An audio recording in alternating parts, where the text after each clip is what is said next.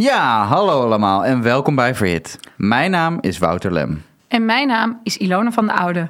Dit is een podcast van Greenpeace Nederland, waarin we met elkaar kijken wat we moeten doen om de klimaatcrisis te keren en hoe we dit met elkaar kunnen gaan doen. Ja, we zijn weer terug na een uh, korte pauze. Heb je er zin in, Ilona? Ja, ik heb er absoluut ontzettend veel zin in. Ik kijk ontzettend uit naar alle uh, interessante gasten die uh, dit seizoen weer bij ons langs willen komen. Ja, ja, we hebben een, een hele mooie reeks uh, gasten tot nu toe uh, op, op de lijst staan, op de planning staan. Uh, over natuurrechten, over drinkbare rivieren en nog veel meer. Dus het, wordt super interessant. En we hebben net ook gesproken met Anna Gimbrère. Wie is dat? Ja, jullie kunnen Anna kennen van bijvoorbeeld van tv. Ze is de presentatrice van Pointer, maar ook van de klimaatquiz. Zij is een, uh, van oorsprong een uh, beta-wetenschapper.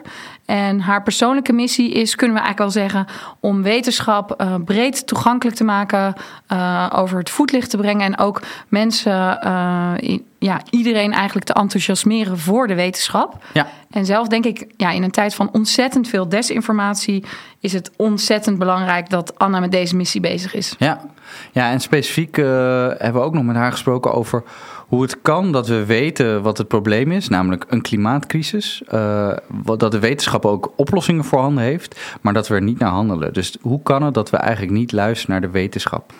Dit en nog veel meer hebben we met Anna besproken. Dus snel luisteren. Ik wens je veel plezier.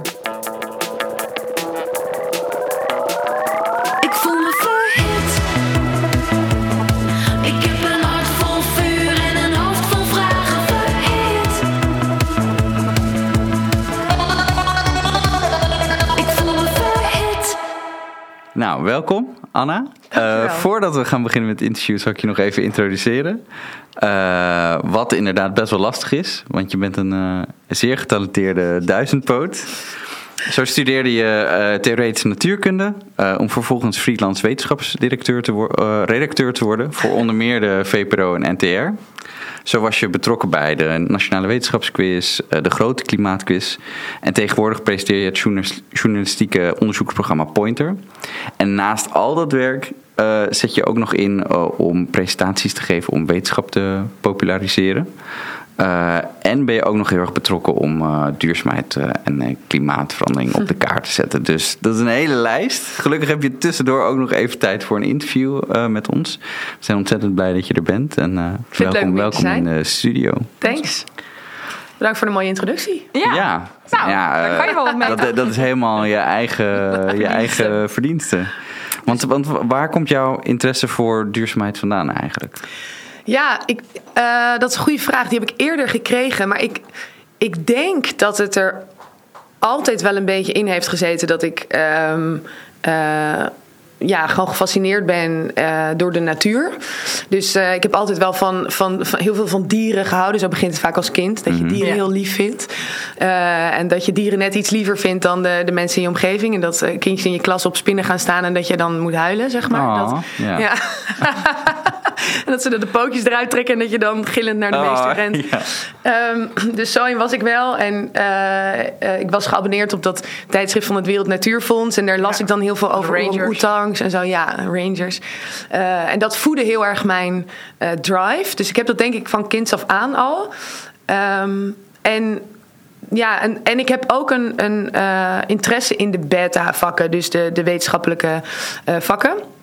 En ik denk als je die twee combineert, dan kom je al heel snel bij duurzaamheid uit. Ja. Omdat de wetenschap vertelt je hoe het ervoor staat met de wereld.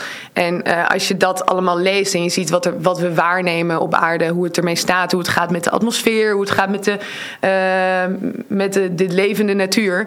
Ja, dan kom je al snel uit bij, oh, het gaat eigenlijk niet zo heel goed. We moeten er misschien iets aan doen. Ja. Dus daar komt uh, ook mijn, mijn fascinatie en mijn obsessie met klimaat en duurzaamheid vandaan.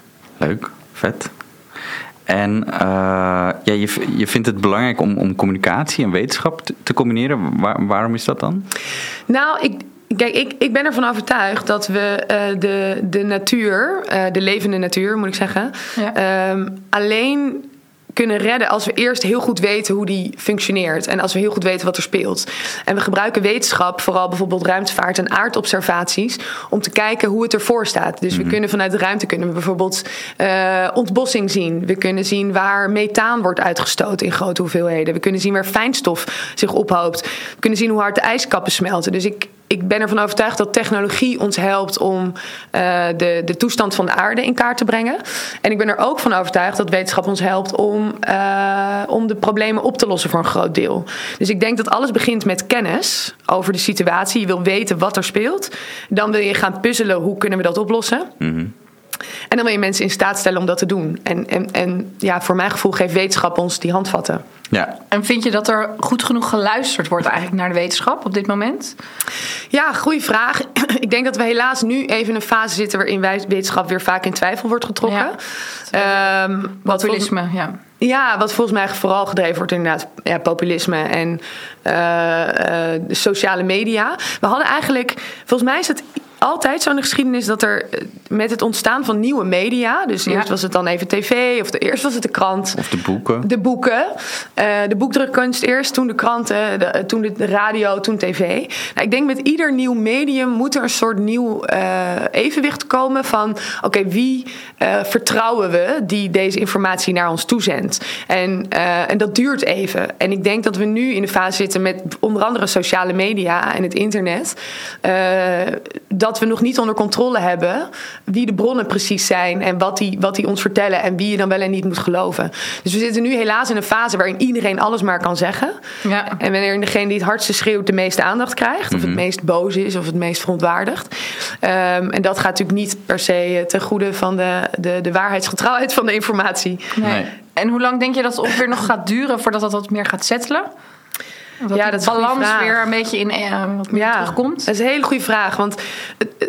probleem nu is wel een beetje dat de, de technologie en de veranderingen zo snel gaan dat het bijna niet meer bij te benen is. Dus Nee. iedere keer als je een oplossing hebt voor het ene probleem, dan ontpopt er weer een nieuw probleem. Of er is weer een nieuw medium. eh, waar, eh, Maar goed, ik, ik heb wel het gevoel dat bijvoorbeeld de, de, de, de felheid op Twitter en zo, dat, het al, dat mensen zich daar wel iets minder van aan beginnen te trekken. Dat Ja. we inmiddels wel weten van, oké, al die mensen die daar heel boos zijn en die allemaal roepen dat, eh, ja, die bijvoorbeeld tien jaar geleden nog riepen, klimaatdrammers zuigen het allemaal uit hun duim, bij wijze van spreken.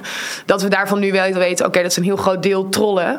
Eh, en die mensen hoeven we niet te geloven, alleen omdat zij heel boos zijn, moeten we er niet per se meer aandacht aan geven. Ja. Dus ik denk dat we langzaam wel Maar nog steeds vooruit gaan, maar niet hard genoeg. hoor je nog wel best wel dat Twitter toch nog best wel ook voor journalisten best wel als een medium gebruikt wordt. Een soort peiling van hoe, wat vindt Nederland wel. Ja. Je kunt je echt afvragen of het een Ja, helemaal met je eens. representatief is eh, Ja. voor Nederland. En wat, wat, zou, ben het wat, helemaal met je eens. wat zouden dan oplossingen zijn, denk je?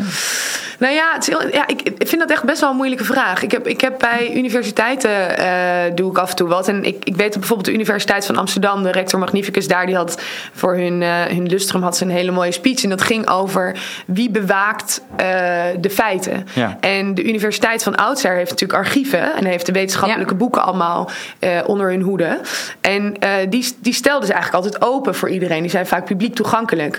Maar het gekke is dat bijvoorbeeld nu wetenschappelijke artikelen worden afgeschermd door partijen als Elsevier of, of eh, nou ja, wetenschappelijke tijdschriften. Nature, die, ja. die, eh, die jou laten betalen voor het zien van die, die, die eh, artikelen. Terwijl het met publiek geld is gefinancierd. Precies. Ja. En ehm, dus, dus eigenlijk is dat heel tegenstrijdig. Dat leugens kan je op het internet overal vinden. Mensen Leugens die- for free. Ja, leugens for free. Ehm, en, eh, en, en wetenschappelijk zeg maar goed onderzoek en de peer reviews daarop en de controle die daarop is, daar moet je voor betalen. En dus, dus dat is eigenlijk heel scheef. En ik, ik weet dat die, nou, die rector Magnificus van de UvA, die zei... en dat vond ik best wel een goed punt... van zouden wij niet de bewakers ook moeten zijn van die, eh, van die, van die waarheid? Als dat onderzoek met publiek geld is gedaan... moet dat dan ook niet vrij toegankelijk zijn Ja. voor iedereen? En kunnen we dat niet op een andere manier inrichten? En ik denk ook dat dat soort partijen... partijen die dus eh, ervaring hebben met het, ehm, het naar boven halen van de waarheid... Ja. het in de het, En het controleren... ook, ja. ja, sorry. Het controleren van goed onderzoek en waarheidsgetrouwheid en, en betrouwbaarheid vooral. Dat je die ook misschien iets moet laten controleren op eh, wat er op het internet allemaal staat. Maar ja, daar hebben zij helemaal geen eh, middelen voor nu. En, en, en, en jij vindt dat dus ook heel belangrijk dat, dat, dat dat er meer naar wetenschap wordt, wordt geluisterd. Welke rol pak jij daar dan in, in dat proces? Ik, ik, ik richt me nu heel erg op het populariseren ervan. Ehm, dus ik, ik wil eigenlijk dat mensen zich vertrouwd voelen met wetenschap. Ik, ik weet van de middelbare school, ik weet niet hoe het bij jullie was, maar dat ehm, vaak vakken als wiskunde en natuurkunde waren niet de populaire vakken. Nee. Nee, nee klopt. Ik zie jou ook weer- ja, Nee, nou, ik, ik heb wel eh, het, het, het, het beta-pakket gedaan. Ja. Dus inderdaad eh, eh, natuurkunde, biologie, eh nee, NNT, natuur en techniek en natuur en biologie volgens Oh, dat heb je mij. gedaan. Ja. Oh, wat goed. Nou, Maar we goed, elkaar de hand schudden. ik was wel het nerdje, dus dat zegt Heel ook al goed. meteen genoeg. Leuk. Ja. Het label. Maar sorry, je, Ik wil, je wilde... Ah, we geven elkaar nu even een box. alike, ja, ja. Maar sorry, je wilde kwamen vertellen... vroeger de klas binnen en dan zeiden wij, hey, alles flux. Ja, Zo kneuzig. heerlijk. Ja. Maar je wilde vertellen, het, het, het is niet, Nou, het dat niet- is niet de populaire keuze. Nee, en, en, het, eh, en het, het grote probleem daarvan vind ik eigenlijk nog wel dat veel mensen een beetje eh, opstandig worden van het feit dat ze het dus niet allemaal kunnen volgen op de middelbare school. Dus als je iets niet helemaal begrijpt of als je niet helemaal goed mee wordt genomen op de middelbare school, dan krijgen veel mensen volgens mij de neiging om zich er een beetje tegen af te zetten. Dus een beetje te wantrouwen, te denken, oh dat is niet voor mij of Ja. het is niet belangrijk. Er zijn heel veel mensen die ook roepen van, oh ja, waarom moet ik een integraal kunnen oplossen? Eh dat heb ik toch helemaal niet nodig als Ja. ik weet je wel influencer wil worden. Ja, nee, inderdaad, als je influencer wil worden niet, maar als je de wereld wil begrijpen, is het wel heel handig. En, eh, en je moet die mensen niet wantrouwen. Ik wil, ik wil dat we juist die mensen die die integralen oplossen, dat we die blijven begrijpen en dat we eh, die vertrouwen als ze ons moeten adviseren, want we hebben ze En, wel nodig. ja, als we de- die dingen, we zijn bijvoorbeeld ook een keer bij Detlef van Vuren geweest. Nou, die is ook met heel belangrijk werk bezig. Die is bijvoorbeeld de klimaatverandering echt helemaal aan het doorrekenen. En die gaat dat voorspellen. Nou, dat soort mensen die hebben we echt zo Ja. hard Die zijn nodig. zo goed. Ja. Nou ja, en, en die mensen, die echte rekentijgers, zeg maar, die, eh, die zijn vaak niet zo bezig met het populair maken van wat zij doen. Eh, die zijn gewoon bezig met het oplossen van een probleem, of het, het puzzelen, of het, het uitpluizen, het begrijpen ervan.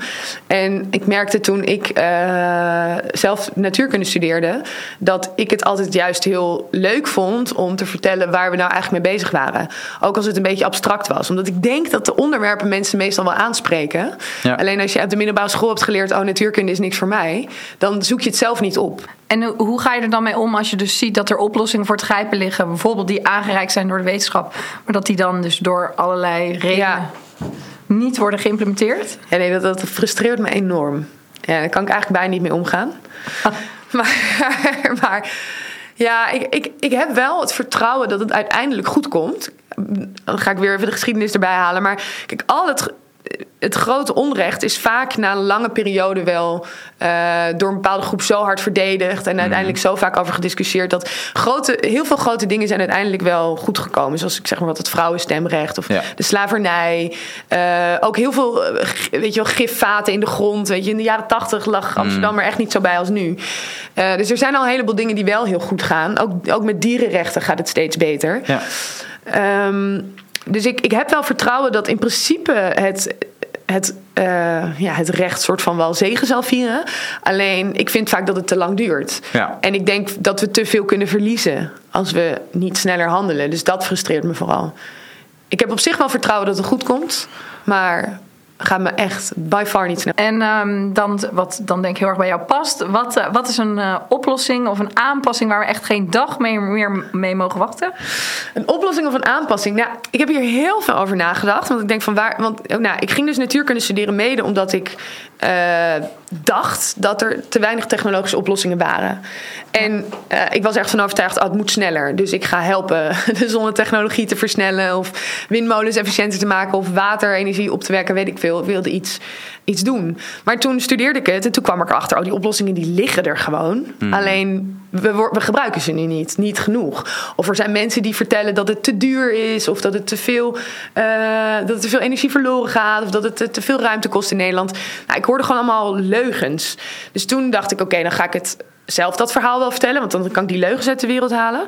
Maar nu ben ik er inmiddels zo ver dat ik denk van oké, bij wie moeten we nou die verantwoordelijkheid leggen voor die veranderingen? Je hebt de consument, die Ja. wil volgens mij vaak wel duurzame keuze maken, maar het wordt ons het wordt ze moeilijk gemaakt, want Ja. het is vaak wel duurder.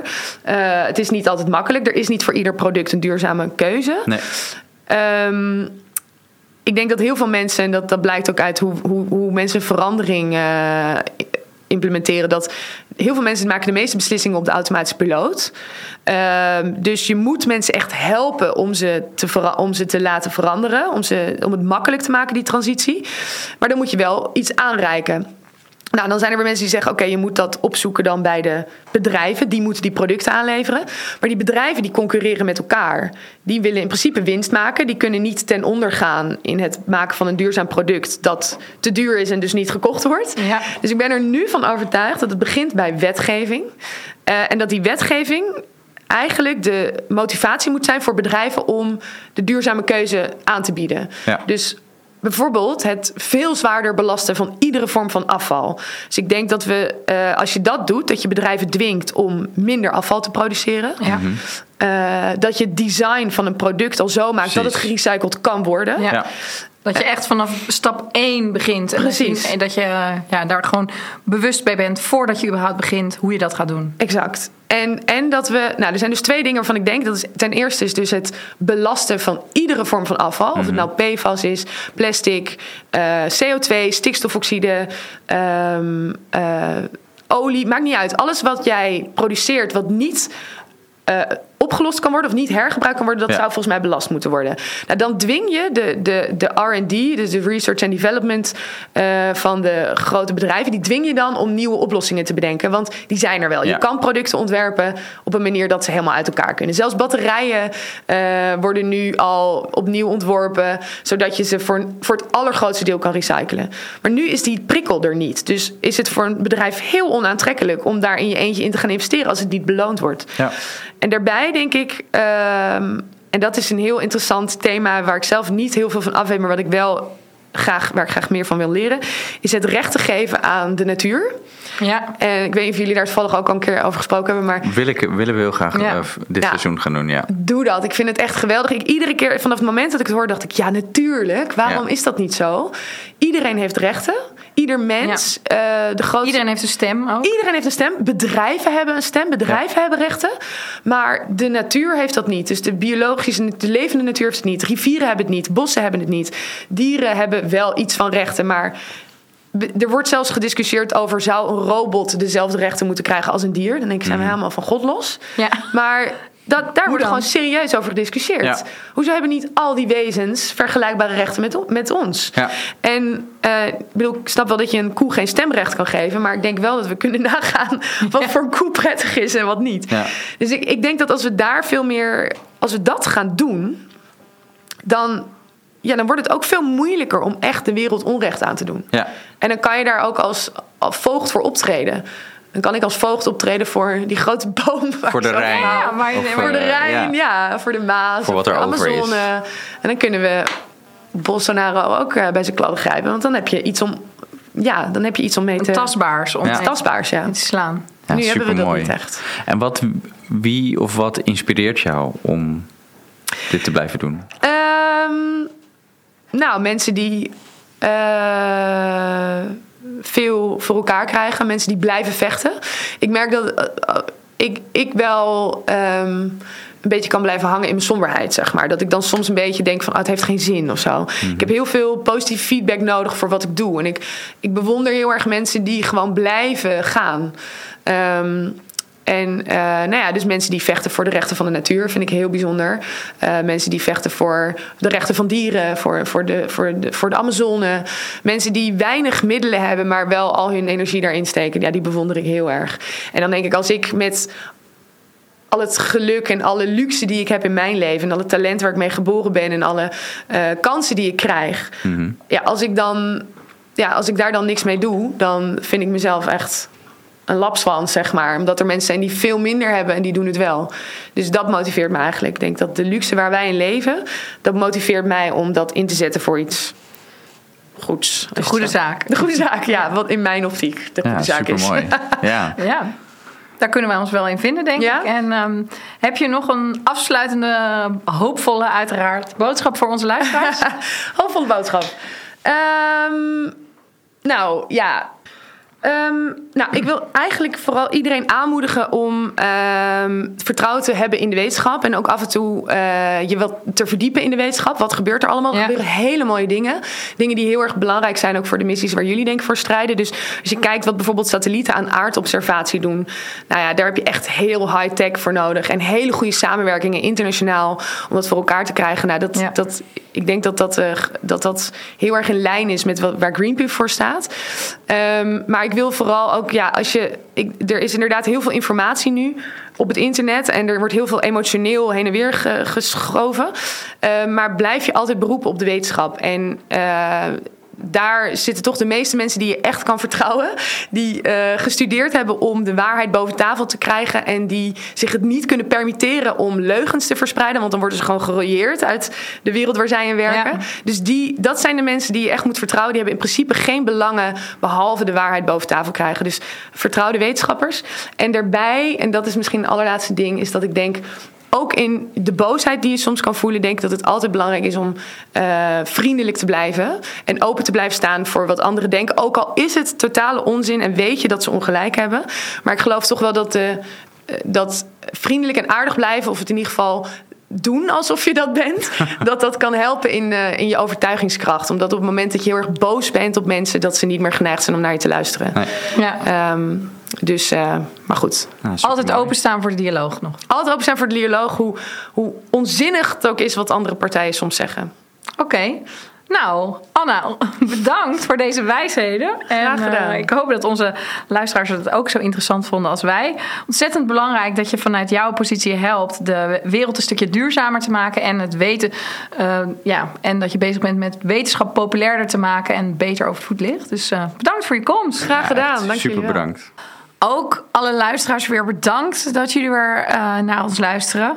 De Verhit podcast is een initiatief van Greenpeace Nederland. Heb je nog niet geabonneerd? Doe dat dan meteen in jouw favoriete podcast-app. Dan zie je meteen als we weer een nieuwe aflevering online hebben gezet. Wil je daarnaast iets aan ons vragen of met ons delen? Daar houden we natuurlijk van. Mail ons dan via verhit.greenpeace.nl. Over twee weken zijn we er weer met een nieuwe gast. Dankjewel voor nu en tot de volgende keer. Wat als ik zeg dat het soms lijkt alsof de tijd alleen maar tikt terwijl we liggen te slapen?